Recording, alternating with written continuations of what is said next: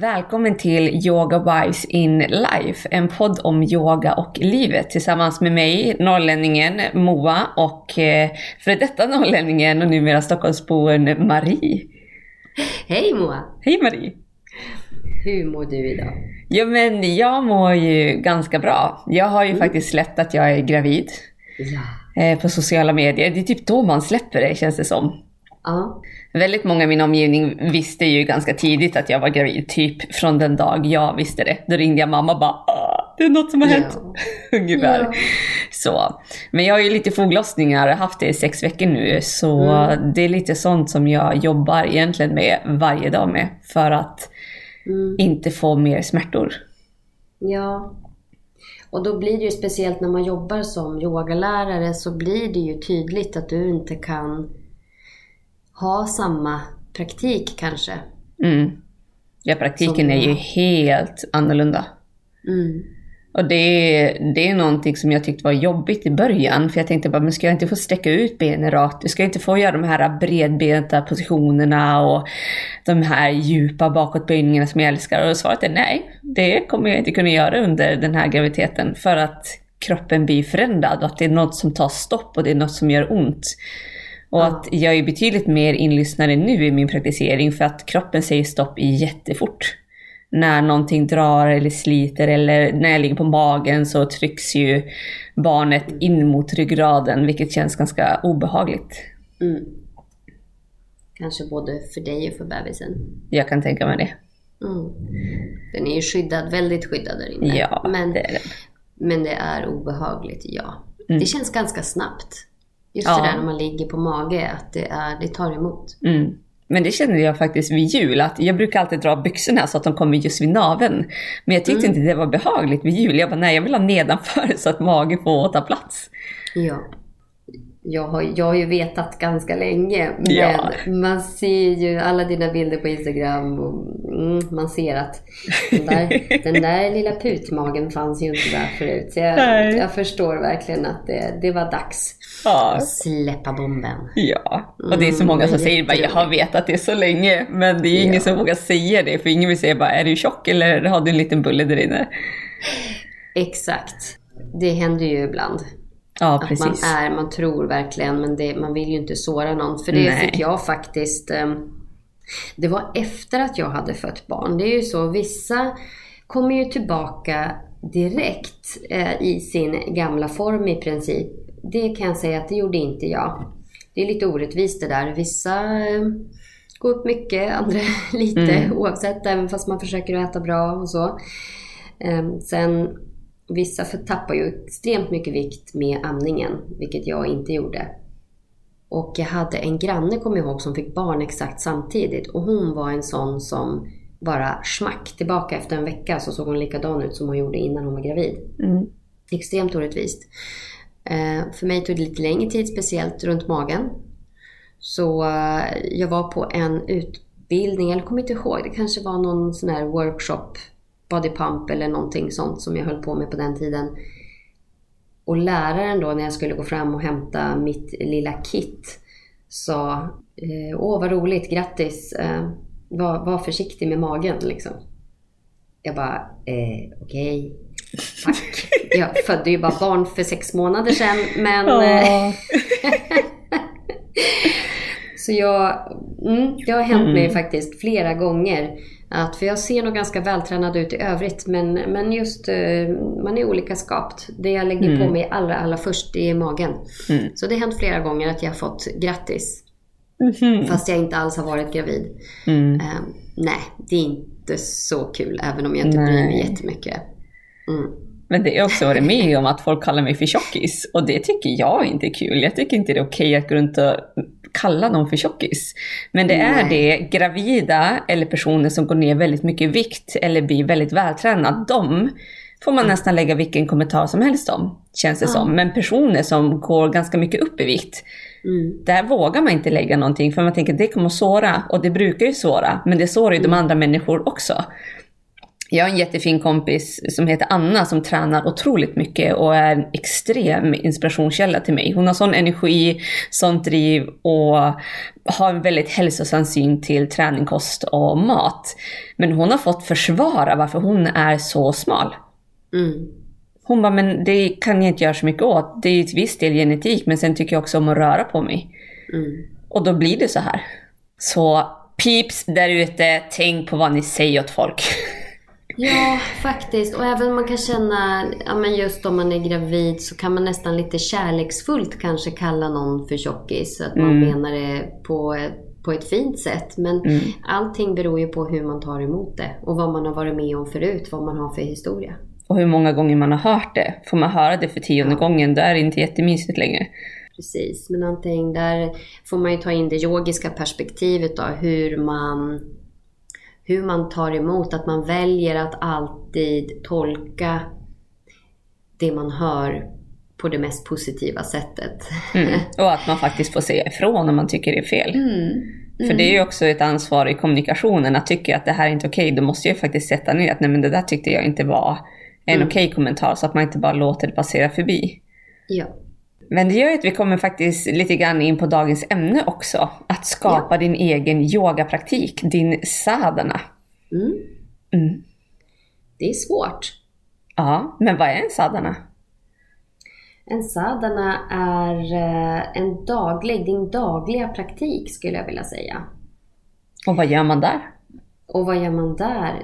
Det beror lite på vad du behöver men eh, ofta ingår det ju yoga, alltså asana då och eh, meditation väl det vanliga. Mm. Andningsövningar kan man också göra, sjunga mantran om man känner för det. Men det här kan ju också variera sig lite grann, att man, man kanske inte gör allt utan att man väljer att fokusera på några olika delar. Eller så har man en rutin där man kastar in ganska många delar som tillför en väldigt mycket. Mm. Om vi ska ta lite eh, bakgrund och, och eh, fakta så kan man väl säga att sadhana kommer av, av ordet sadhu som har roten sad som betyder att åstadkomma eller uppnå, avsluta och slutföra också och fullända. Mm. Det är lite intressant. För att en sadhana kan man säga, det är din dagliga praktik men man vill på något sätt eh, nå ett mål. Så med din sadhana har man ofta ett mål, vilket målet kan också ändras under tiden beroende på vad man har för behov. Så till exempel är du gravid så ser din sadhana ut på ett sätt eh, för att du måste anpassa åtminstone den fysiska praktiken men även kanske andningsövningar. Mm. Så. Eh, och när man är på sin väg så kallas man för sadaka eller sadak. Medan den som har nått sitt mål kallas för siddha. Och det här är ju någonting som man har gjort i urminnes tider. Det här är någonting som yogisarna började med redan när man skapade yogan i Indusdalen, eller det är så långt bak vi i alla fall kan spåra den. Och då var ju det här en otroligt viktig del, för sadhana innebär ju i grund och botten att du umgås med dig själv. Att du avsätter tid, att du praktiserar din yoga och att du möter dig själv på yogamattan varje dag för att checka av läget. Hur mår du? Hur känns kroppen? Var är sinnet? Är du fokuserad eller ofokuserad? Och att under den här praktiseringen så hinner du också rensa lite grann i röran. Att du hinner klargöra saker och ting och bli mer inkännande i kroppen. Mm. Och den delen tycker jag är jätteviktig. Inte bara för att jag är gravid utan för att vi lever i ett samhälle där vi är väldigt stressade. Och i och med stressen så blir vi lite avskalade känslomässigt. Att historiskt sett så behövde vi inte känna så mycket när vi var stressade. Vi skulle överleva. Mm. Men nu behöver vi börja skala av stressen och bli mer sega och introverta för att verkligen få tillbaka kontakten med våra känslor. Mm. För det märker jag i Stockholm. Jag tycker personer är betydligt mer känslokalla i Stockholm. Och det är ju för att stressnivån är högre. Man kutar till bussen, man kutar till tunnelbanan, man ska ta sig så fort som möjligt till olika ställen. Så, och det är där jag möter dem, på tunnelbanan. Medan här i Ja. Umeå tycker jag att man alls är lika känslokall. För att man kanske inte har samma stresspåslag i kroppen. Det kan också ha att göra med att det är en mindre stad, att det är kanske Oh, ja. större sannolikhet att man känner någon Mm. på bussen. Ja. Här i Stockholm så är det, det blir bara en enda stor människomassa. Mm. Och då är det svårare att se varje individ. Ja, gud Medan i ja. en mindre stad så har man alltid någon som känner någon Mm. i den här människomassan. Mm. Och där kan jag bara mera- jämföra från där jag kommer ifrån, Bjurholm. Där, liksom, där hälsar man ju på varenda människa. Mm. Ja. Och så flyttade jag till stan och så gjorde man inte det. Jag bara, nej, så nu hälsar man inte på varandra längre. Nej. Så, så det har ju givetvis med storleken att göra. Ja, men även som du säger med stress, stressnivåer faktiskt. Här i Stockholm så tar det ju, jag har ju, om jag ska åka kommunalt till jobbet så tar det mig minst 45 minuter Mm. Att ta mig till jobbet. Om jag cyklar så går det fortare. Det går nästan fortare att springa faktiskt Oj. än att åka kommunalt. Ja. Eh, Så det, det lägger ju på nästan två timmar per dag för mig om jag ska Ja. åka kommunalt. Och så Mm. är det för alla. Så det är klart att man, man får mindre tid än i en mindre stad där det tar 10 minuter att ta sig hem. Mm. ja, det är lite skillnad. Tiden räcker inte till.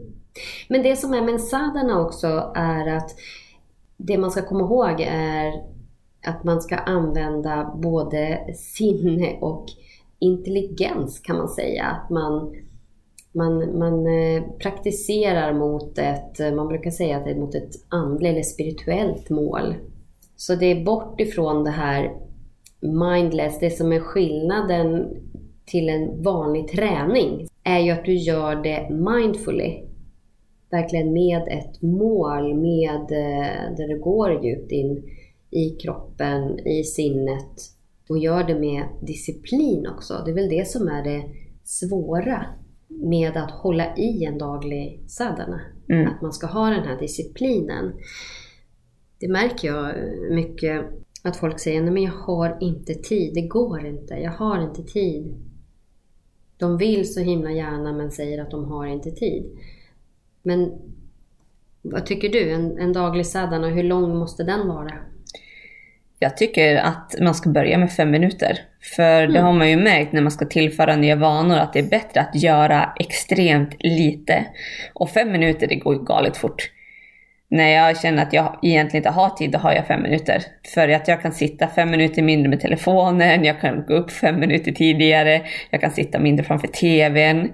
Och att jag kan faktiskt säga åt min sambo att nej men nu måste jag faktiskt ta mig den här lilla stunden innan vi går och lägger oss. Så du kan gå och göra din kvällsrutin så gör jag min kvällsrutin.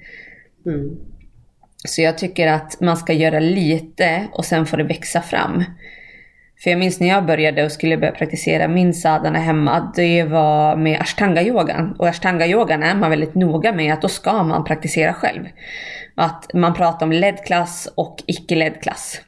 Och ledd klass då leder läraren dig genom yogaklassen och på den icke-ledda klassen så får du komma till samma yogalokal men du får hjälp av läraren där du behöver hjälp. Men du får guida dig själv genom de här sekvenserna. Mm. Och det var det jag började med hemma, men då jag fick som en liten mindblock kan man säga. För min praktisering var ju en timme och 40 minuter. Ja. Och då trodde jag att det får aldrig vara kortare. Så jag började med den utgångspunkten att jag måste köra en timme och 40 minuter när jag väl kör igång. Och det gjorde ju att jag gjorde det här inte jätteofta. Det kanske blev två gånger i veckan för att det blev för stort motstånd. Och vad är det som är allting? Nej men jag, jag orkar inte göra någonting. Mm. Eller jag, jag, jag hinner inte göra 90 minuter så därför gör jag ingenting. Mm. Det kanske inte är en jättebra start. Utan det Nej. är bättre att göra någonting.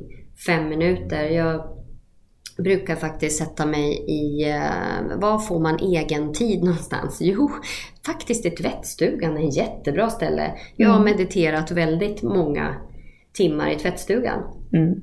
Med ryggen mot uh, torktumlaren. Mm. och det behöver inte vara så flashigt heller. Nej! Inte alltid. Jag tycker ju själv att när man, när man har en egen praktik hemma så gillar jag ju att fluffa till det och liksom ha mitt yogahörn och mina grejer framme. Men jag vet också att det kommer stunder när jag är på resande fot där jag måste hitta andra alternativ och att det går lika bra. Så att man inte klamrar sig fast vid att de här förutsättningarna måste vara. Jag måste ha levande blommor, tända ljus, jag måste ha dofter. Så att man, man skapar för mycket grejer runt om yogan innan man kan sätta sig på yogamattan. Så ta och fånga om du har en, om man har en viss rutin som man, som man vill hinna med. Det kan vara fem minuter meditation, det kan vara 20 minuter meditation. Men som sagt, det är bättre att fem minuter blir var än att 20 minuter inte blir av, blir av överhuvudtaget. Mm. Och då kan det vara en bra idé att sätta sig, till och med på bussen faktiskt kan, kan funka. I alla fall meditationspraktiken. Det kanske blir lite, eh, ja jag vet inte, lite pressat om du ska ställa upp och göra din eh, solhälsning på bussen.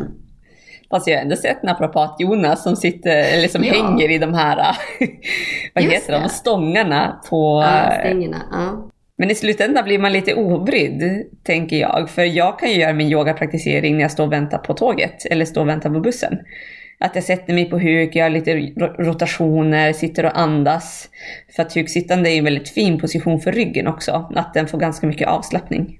Så jag kan ta de här, jag gör ganska mycket, men lite eller ganska ofta, men lite. Så kanske 15 minuter på morgon, 5 minuter på förmiddagen, 5 minuter till lunch.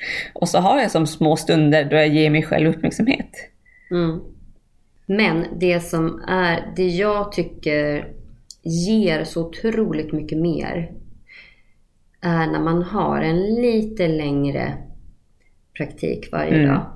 Det behöver inte vara jättelångt, inte 90 minuter, men det kan vara 20 minuter eller en kvart åtminstone. Mm. Där man verkligen går igenom det, där man har bestämt sig för det här behöver jag, det här behöver mitt sinne, det här behöver min kropp. Speciellt mycket av så att säga. Då, då kan man bestämma sig för ett antal asanas kanske, eller en sekvens som man gör varje, varje dag. För det är där, de sakerna man gör varje dag, man lär känna sin egen kropp och man lär känna skillnaden från dag till dag beroende mm. på hur man har sovit, vad man har ätit, vad man har fått för energier eller input ifrån andra människor samma dag eller dagen innan. Vad har hänt? Mm. Och då kan man verkligen gå in i och även se progress. Skillnaden från dag till dag. Hur snabbt det faktiskt går. Mm. Att få mer medvetenhet och bli bättre på någonting om man håller i samma praktik varje dag under en längre tid. Så det tycker jag är viktigt faktiskt med en daglig sadhana. Att man, man behåller ett tema, åtminstone en liten sekvens som du gör varje dag oavsett vad som händer. Mm. Sen om det innebär att ställa klockan lite tidigare. Jag är dålig på det själv, mm. måste jag erkänna. Jag eh, drar ofta fram mitt yogahjul eller um, klättrar lite grann på väggarna och så på, på kvällen när barnen har gått och lagt sig. Då gör jag min dagliga, kanske 15 minuter bara, inte mm. mer än så. Och där Eller är man ju jätteolika tänker jag. Jag älskar ju morgnar. Det är liksom prime time för mig och kvällarna är ju så dyngtrött. Så jag, jag ligger typ på, jag ska, börja, jag ska göra lite yin-yoga och så somnar jag.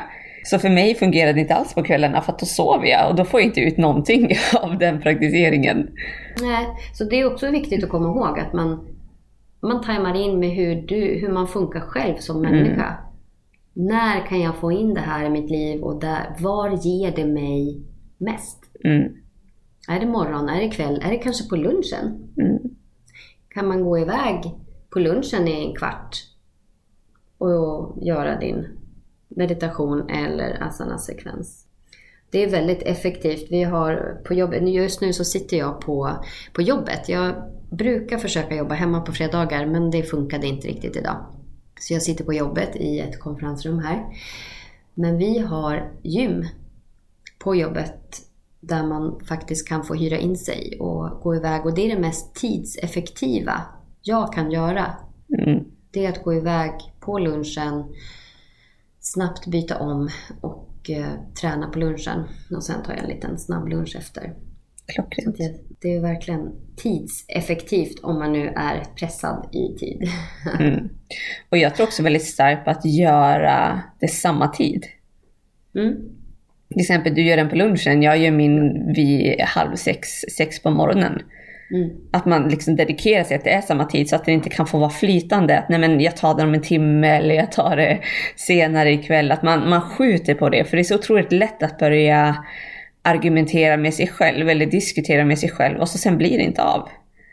det är också med den här, man måste ha någonting, vi pratade om det i det här vaneavsnittet som försvann, Mm. att det är viktigt att ha, om man vill skapa en ny vana, så måste man hänga upp det på någonting annat som man redan gör. Till exempel just lunchen då, man vill koppla ihop det med lunchen. När du äter ju ändå mat, förhoppningsvis, på lunchen. Och då kopplar man det till, ja, men först innan jag, okej nu är jag hungrig, nu kliver jag upp och så går jag iväg 10 minuter och gör det här en kvart eller vad du behöver. Sen går jag och äter. Eller som du gör då, du ställer klockan, nu har du verkligen lyckats med det att du ställer klockan tidigare, du kliver upp.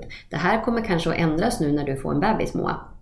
Du är beredd på det va? Mm. Jag har, jag har ju insett att det finns ett före och ett efter the baby. Ja, det gör ju det. Ja. Jag praktiserade nog också mera på morgonen innan jag fick barnen. Eh, sen är det ju så att de vaknar ju när de vaknar, speciellt nu. Nu är de stora igen, så jag har inte det att skylla på. Nu är det jag som får gå och väcka dem på morgonen. Så jag har inte det att skylla på, men nu har jag vant mig mer att vara uppe längre på kvällarna istället. Mm. Men man kan också göra det. Har du, du ställer klockan, kliv direkt upp, rulla upp ur sängen, ha yogamattan utrullad. Och ha yogakläderna framme. Så att man inte ska Yogakläder behöva framme. leta efter yogakläder, vad ska jag ha, var är mina klossar, utan att allt är framme och att man fixar det kvällen innan. Jag har en liten låda hemma med en ihoprullad yogamatta, blocken, strap. Så att det finns på ett ställe så det är snabbt och då kan man rulla- ut det på kvällen och sen kan man bara snabbt rulla ihop det där efter man är klar och stoppa in i den där lilla öppna lådan igen. Det får vara lite stökigt, men det funkar. Mm. För när jag kliver upp då och ser yogamattan så kommer jag ihåg, just det. Jag kan inte kliva förbi den där yogamattan utan att komma ihåg eller se yogahjulet om det nu är det jag har tagit fram. Jag får jobba som du vet mera med bakåtböjningar än vad du... Mm. Bakåtböjningar för dig är happy yoga.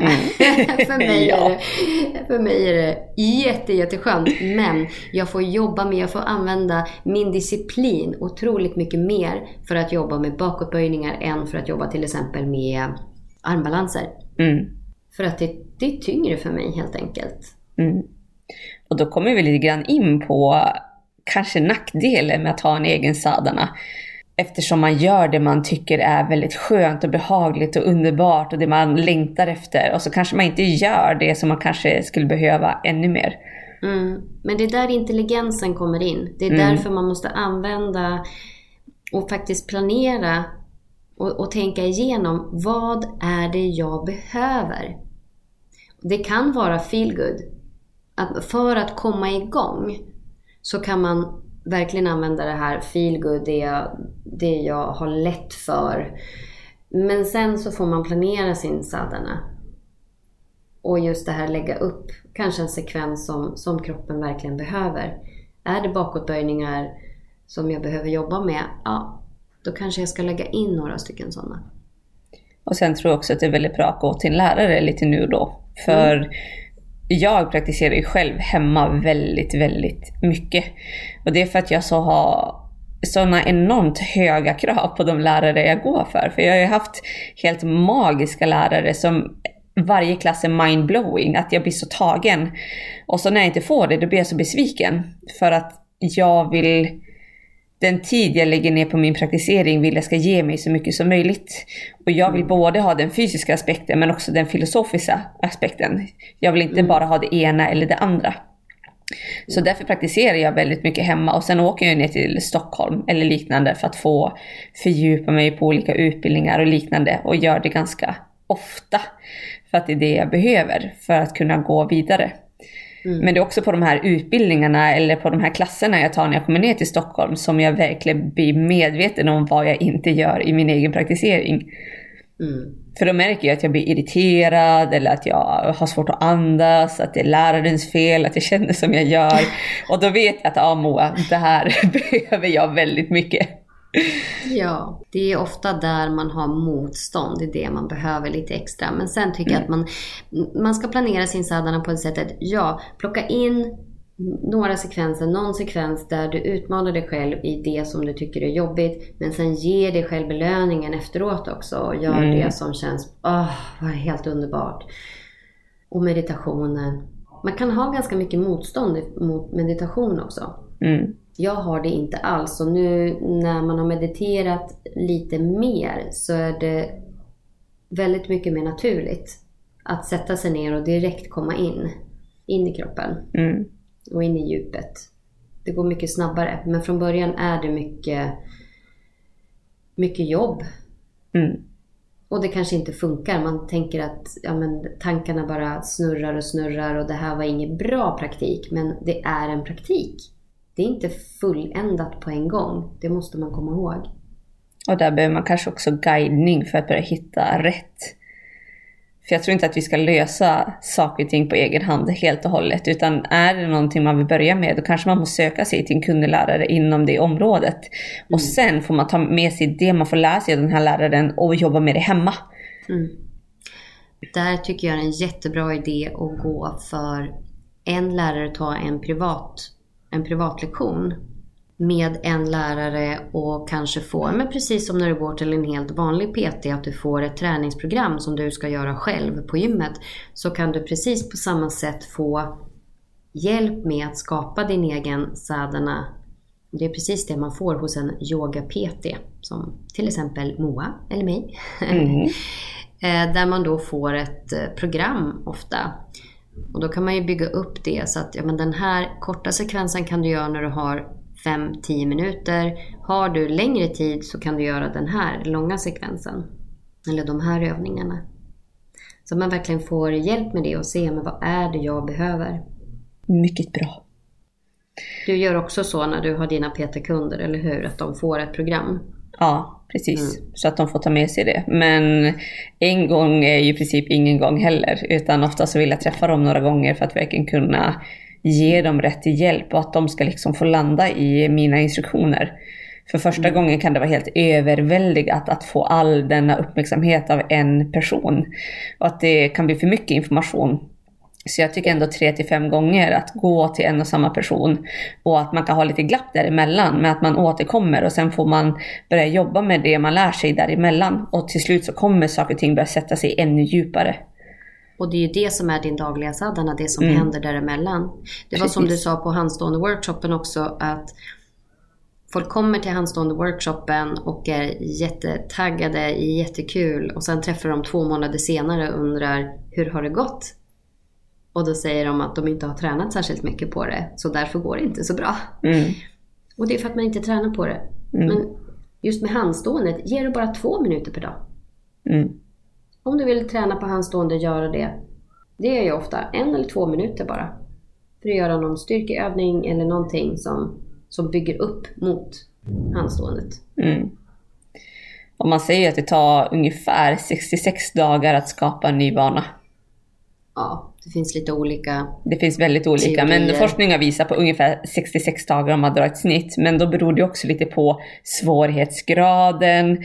Är det att du ska göra 100 situps eh, varje dag i 100 dagar, eller som en vana, då kommer det ta lite längre tid än 66 dagar för att du ska komma över det motståndet. Versus om du ska öka att dricka ett glas vatten varje dag, då kommer det kanske gå på en vecka så har du den rutinen. Så allt beror ju lite grann på hur det ser ut. Men det är ju inte det här klassiska, det kommer ta 21 dagar att genomföra den här förändringen. Nej.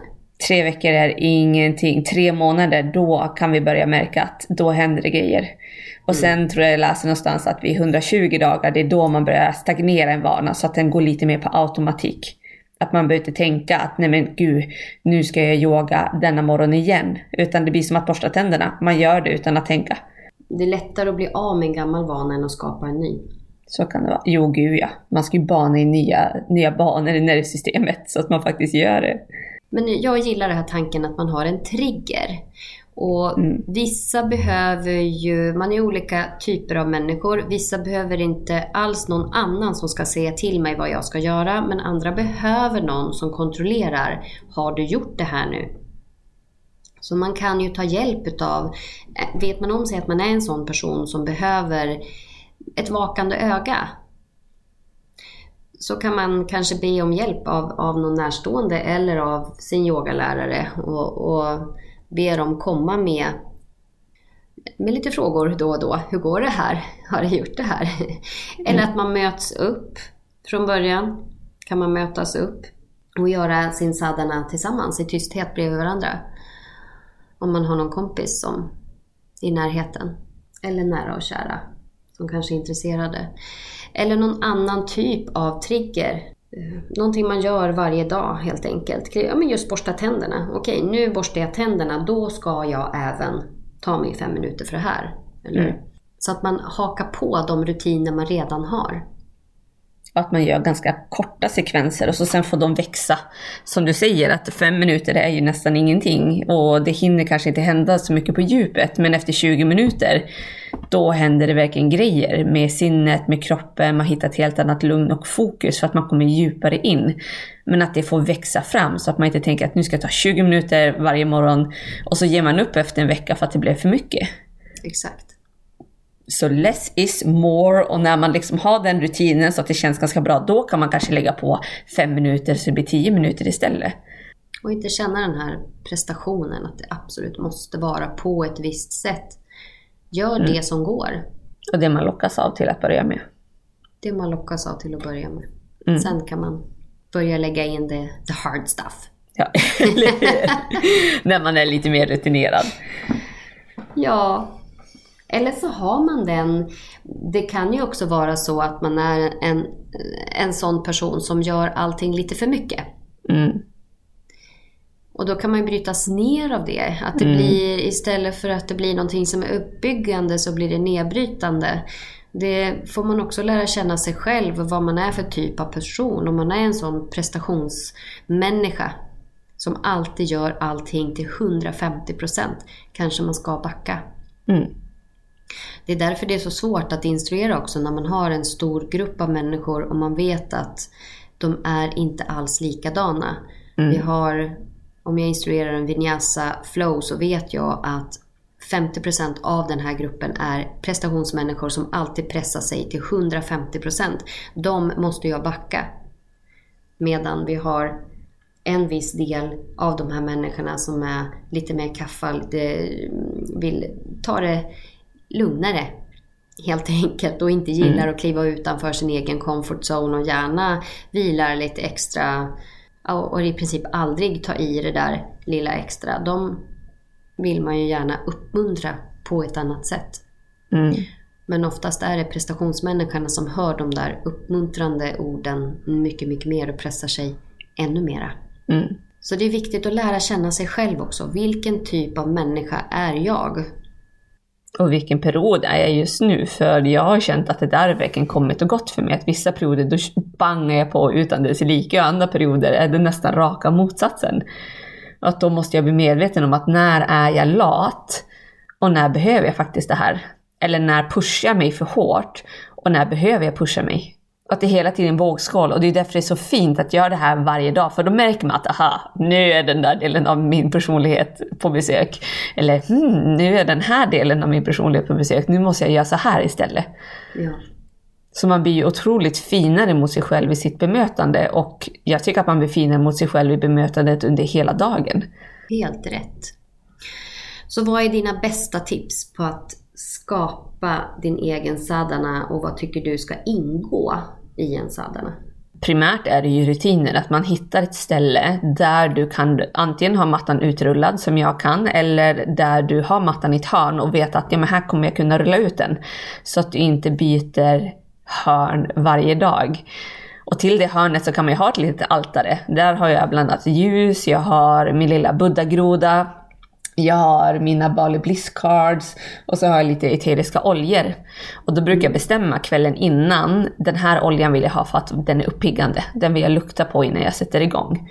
Och så har jag radat upp den här rutinen att nej men så här vill jag starta min dag. Jag vill tända ljusen, jag vill sätta på lite skön musik så att jag blir inspirerad till att börja röra mig på en gång och liknande. Och sen att bestämma dig för vilken tid som fungerar och hålla dig till den tiden. Börja smått och låt det växa när det känns att nej men nu går det ganska bra. Och att mm. när du kommer till sånt att nej men jag har inte tid, då backar du tillbaka. Att nej men jag tar bara, okej okay, jag tar en minut. Jag lägger mig på mattan, jag andas, jag kanske ligger i happy baby. Och låter det få vara den sadhanan just den dagen. Men att sen komma tillbaka till att nej men imorgon kanske jag är lite piggare. Ja. Och då kan jag göra lite mer. Mm. Men jag tror det är väldigt viktigt att lägga sig där på mattan även fast du kanske inte har tid med mer än två minuter. Mm. Men att göra det varje dag. Eller om du absolut, om du känner jättestort motstånd, du mår illa eller det är någonting som gör att nej, jag klarar inte av att göra min fysiska sadhan idag, jag klarar inte av att göra ens meditationen idag. Lägg dig ner på mattan i alla fall, i alla fall en minut. För att då behåller du den rutinen att verkligen lägga dig ner på mattan, att sätta dig ner på mattan. Och ganska ofta så blir det faktiskt så att bara efter en minut så smälter det där motståndet bort. Mm. Man kan göra en happy baby och sen blir det en happy baby. Det, det växer och blir någonting annat. Men det behöver inte heller bli det. Man kan lägga sig ner där med intentionen att jag ska bara ligga här en minut, sen tar jag itu med resten av dagen. Mm. Men hoppar man över det steget, då är det väldigt lätt att hoppa över det steget även nästa dag. Mm. Så det är mitt hetaste tips. Även om jag måste erkänna att jag själv inte är så duktig på att just ta det där på morgonen. Utan jag har, det, det får anpassa sig. Men eh, det går ju lättare. Med, med tiden så blir det på något sätt mer en naturlig del av vardagen. Men jag måste ju också säga att jag går och lägger mig typ nio, senast tio. Så för mig är det inga problem att gå upp tidigt för att jag har sovit de timmar jag behöver sova. Jag är pigg halv sex. Och det är klart att alla har inte den rutinen och vissa liksom ser sin prime time mellan 9 och 11 på kvällen. Mm. Och då kanske man ska väva in sin yogapraktisering där istället. Så att man ska inte fastna vid att det måste vara en viss tid på dagen, att morgonmänniskor är bättre än kvällsmänniskor. För ibland så blir det lite den attityden. Mm. Tyvärr. Åh gud vad duktig du är som tränar på morgonen. Man hör aldrig det om någon som tränar på kvällen. Gud vad duktig du är som tränar på kvällen. Jag känner också med åldern, nu är jag ju så gammal vet du. Ja. Men med åldern så funkar inte den här, min fysiska yogapraktisering funkar inte på samma sätt längre på morgonen. Mm. Jag behöver längre tid på mig. I så fall så måste jag kliva upp ännu en halvtimme tidigare för att värma upp min ryggrad. Mm. Så därför funkar det numera bättre för mig på lunchen eller på kvällen. Mm. För att min ryggrad då har, har eh, återställts efter natten. Det är perfekt. Mm. Och då vet du ju det. Ja, och jag vet varför. Jag mm. vet ju hur ryggraden funkar och diskarna och med vätska. Och, så att då, då har man också den, den vetenskapliga bakgrunden så att säga. Varför det inte funkar för mig på morgonen direkt. Mm. Det är ingen idé att, att forcera det. Så hitta, hitta en bättre tid. Och vi har ju pratat ganska mycket om den fysiska praktiseringen. Och det är väl den egentligen vi båda har lockats in i yogan av från första start. Och det är många jag kan tycka lockas in i yogan av, den fysiska praktiseringen. För för mig är min fysiska kropp en direkt transport in till djupare lager. Att jag ibland måste gå via fysiska rörelser, skaka igenom kroppen, göra olika sekvenser för att börja släppa släppa tankar, värderingar, känslor som liksom har gnagt. Och sen kan jag bli mer öppen för andningsövningar och definitivt meditation. Att det är lättare att sätta sig ner med mig själv i tystnad när kroppen har som fått lugnas ner. Mm. Även där är man ju olika. Ofta, jag tycker också att det funkar bättre med meditation efter en fysisk praktik. För att kroppen är lugnare, det går snabbare att komma in och jag kan komma väldigt mycket djupare och sitta mycket längre också. Mm. Såklart. I meditationen. Men jag älskar också att gå in i min fysiska praktik med en meditation före, eller andningsövningar före. För att min fysiska praktik blir då så otroligt mycket mer meditativ på en gång. Och jag mm. älskar det. Det är det som verkligen får mig att spricka av sådär lycka. Mm. När... Man får testa sig fram. Ja, så det... Varför göra det till... Ja, man kan göra det till en, till en regel, men hitta det som funkar. Prova. Mm. Prova olika sätt att komma in. Meditation först, fysisk praktik sen eller tvärtom. Och se vad som funkar bäst. Om vi ska avrunda och sammanfatta. Vad skulle du säga då Marie? Ja, ungefär det jag sa nyss. no more!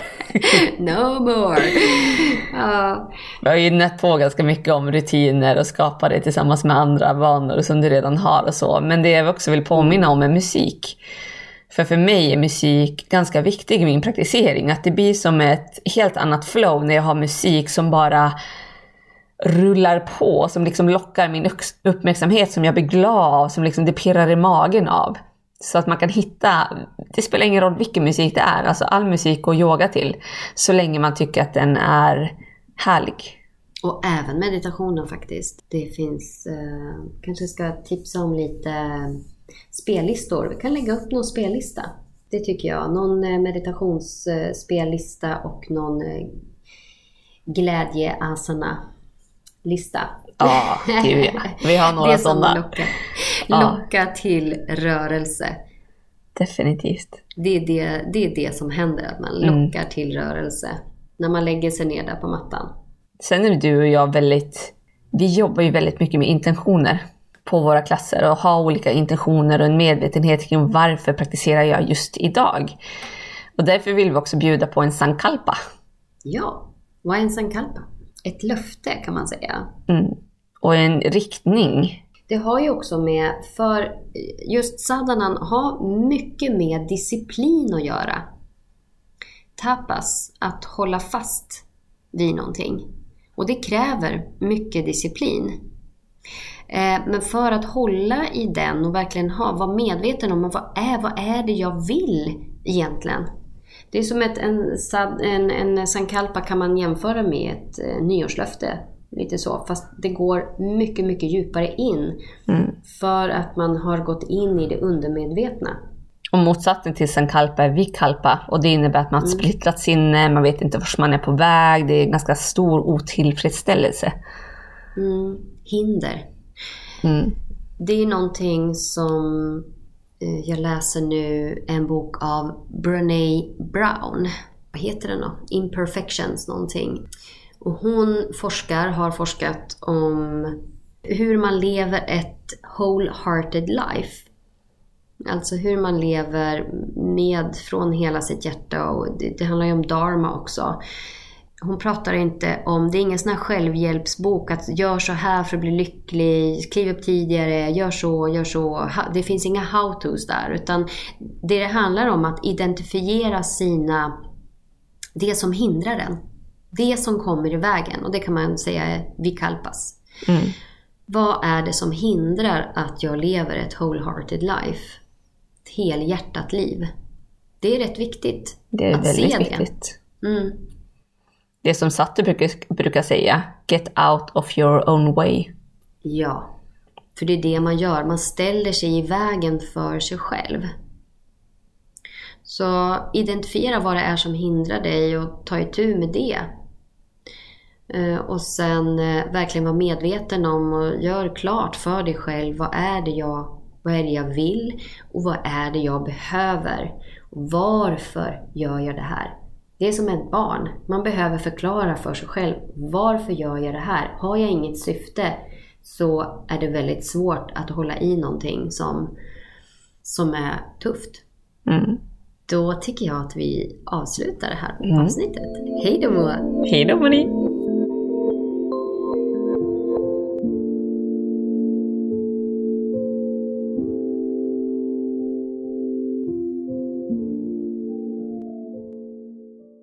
Så idag gör vi en sankalpa. Och det finns olika metoder att göra en sankalpa. Och det är vanligt att använda meditation eller yoga nidra för att komma in i det undermedvetna och hitta det man verkligen, verkligen vill och behöver under allt ego som gör att man önskar sig mera pengar, en smalare midja eller flashigare jobb. Om man istället går in i ens innersta innersta önskan så är det ofta en förstärkning av det man egentligen är. Att låta ens sanna jag komma fram och ta plats. Och när man låter sig själv komma fram och ta plats så händer det någonting. Jag själv kan lätt gå in i prestation och bli överambitiös med mina önskningar om jag, jag tänker för mycket. Så därför gillar jag att gå in i det undermedvetna genom att skriva och lite få det kastat på mig. Så en metod är den jag tänker ge just här idag. Så gå och hämta papper och penna. Du behöver fyra tomma sidor att skriva på. Så tryck på paus och gå och hämta papper och penna. När du har papper och penna framför dig, sätt dig ner bekvämt. Blunda. Ta ett djupt andetag.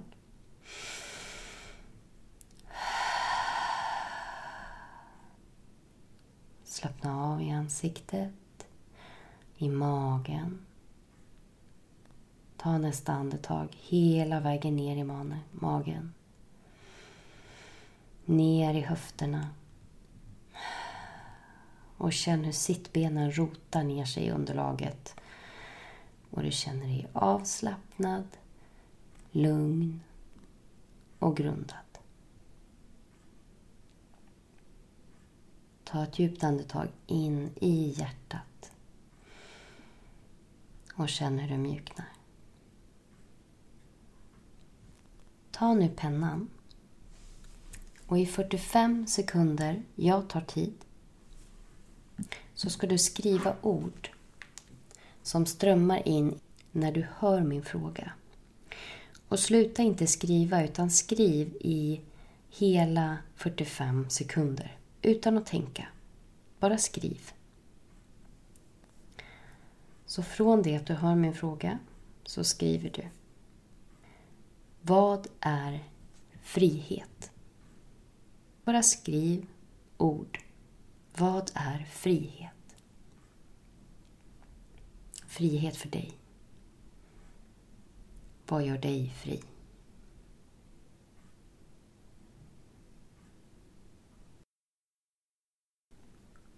utan att sluta skriva. Fortsätt, fortsätt.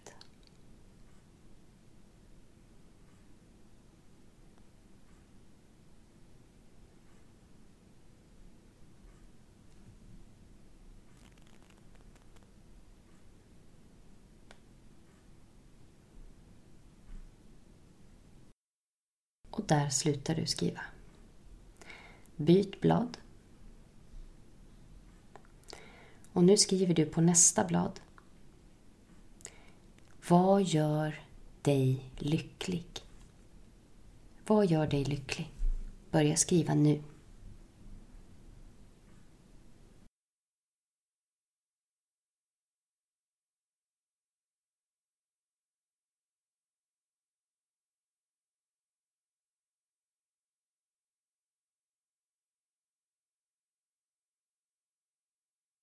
Fortsätt skriva.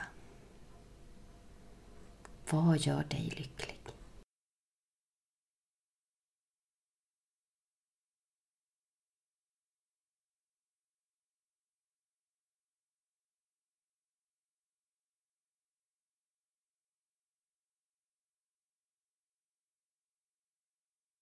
Och sluta skriva nu. Byt blad. På nästa sida, den tredje sidan, skriver du vad stoppar mig? Vad stoppar dig?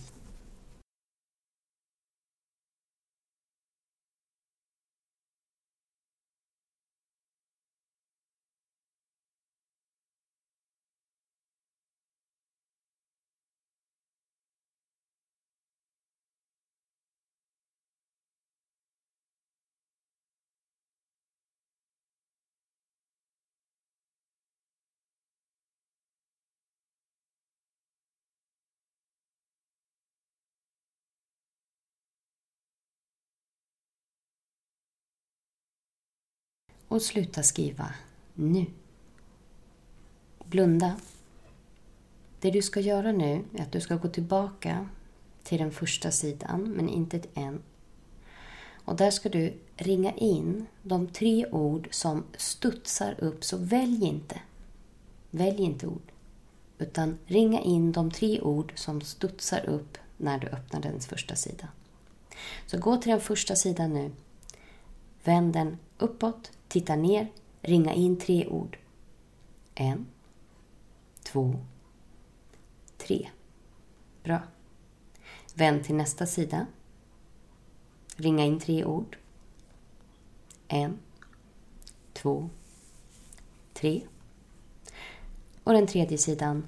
Ringa in tre ord. En, två, tre. Bra. Sen tar du den fjärde sidan som nu är tom och skriv över alla de nio orden, för nu totalt sett så har du nio ord som är inringade. Och skriv dem på den tomma sidan. Men gör så att du har kvar lite plats, så att bara halva sidan är upptagen med de nio orden.